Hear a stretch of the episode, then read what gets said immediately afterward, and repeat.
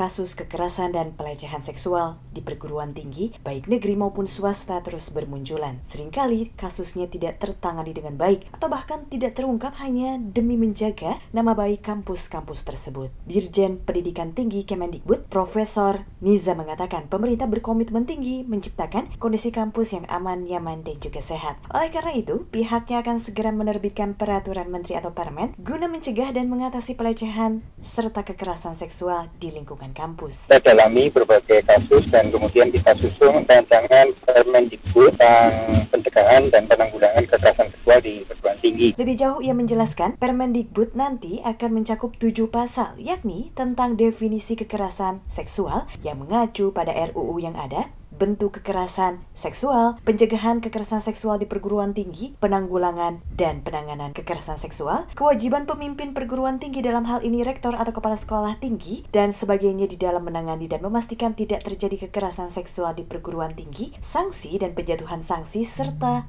pengawasan dari kementerian. Ia pun memastikan permen tersebut nantinya akan memberikan kemudahan, kepastian, dan perlindungan bagi penyintas untuk bisa melapor dan bisa terlindungi dengan baik. Wakil Ketua Komisi 10 DPR RI, Hafifah, mengatakan masih banyak infrastruktur dan fasilitas di berbagai universitas di tanah air yang mendukung terjadinya tindak kekerasan dan pelecehan seksual. Ia mencontohkan, masih banyak sisi-sisi bangunan kampus yang tidak mempunyai CCTV, kurangnya lampu, penerangan, letak toilet yang jauh dari jangkauan banyak orang, dan lain-lain lain. Mungkin praktikum atau mengerjakan tugas bersama-sama sampai malam hari atau sampai subuh-subuh dari mulai soal infrastruktur tapi juga banyak kampus belum memiliki satu mekanisme yang jelas ke mana kita melaporkannya. Memang ada BK ya, tapi BK itu biasanya lebih berfungsi bukan sebagai tempat pengaduan, tapi mereka biasanya menegur mahasiswa atau mahasiswa yang dianggap justru mungkin nakal gitu, atau dia kurang baik belajarnya sebagai pihak yang menegur gitu, bukan sebagai pihak yang bisa menjadi tempat kita mengadu. Aktivis perempuan Damaira Pakpahan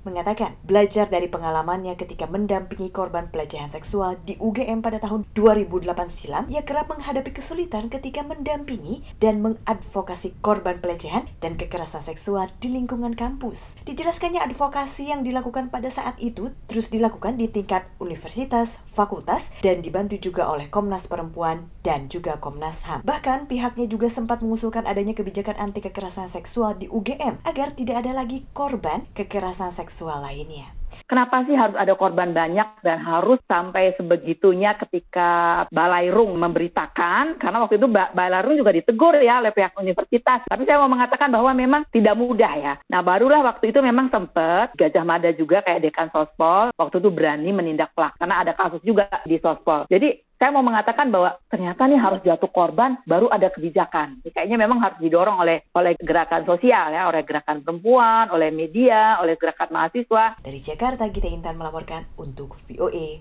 Washington.